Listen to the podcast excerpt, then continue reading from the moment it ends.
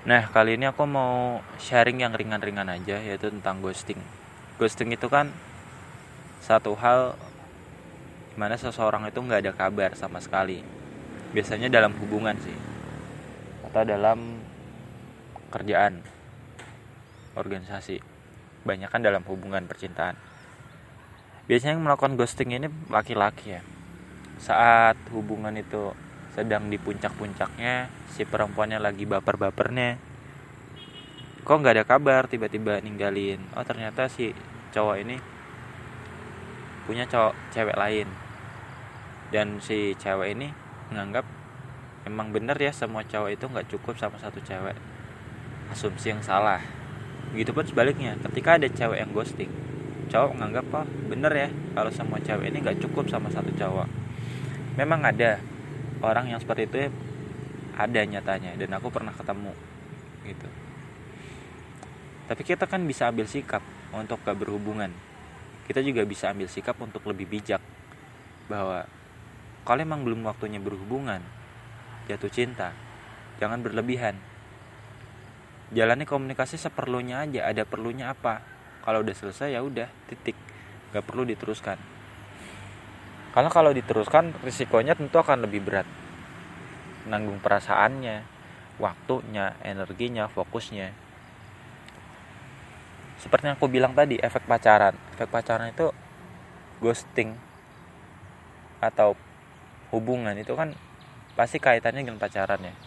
Efek negatifnya ada. Ghosting ini biasanya terjadi di dunia virtual. Ketika sedang asik-asiknya ngechat dia malah blokir dia malah menghilang atau kalau dunia nyata biasanya ketemu kok dia jarang ketemu ya? Padahal juga dia nggak ngerjain apa apa oh ternyata dia udah nggak tertarik sama kita. Itu ghosting. Kalau dalam kerjaan atau dalam perusahaan biasanya si karyawan ini tiba-tiba menghilang. Tanpa alasan yang jelas. Alasannya ini alasan itu.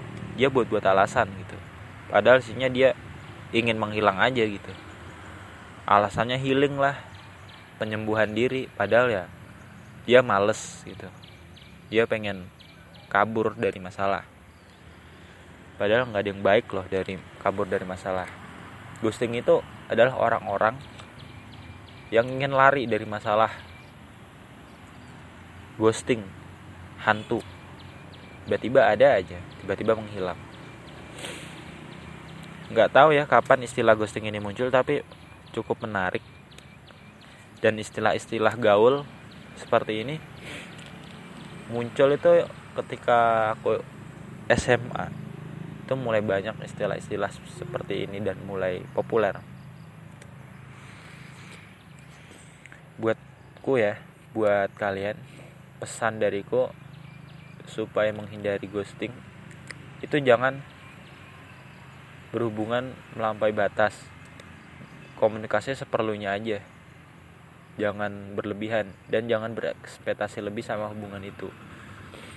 Karena saat kita punya ekspektasi lebih dan ekspektasi itu nggak tercapai kita akan kecewa banget. Lebih baik nggak usah berekspektasi jika akhirnya kecewa.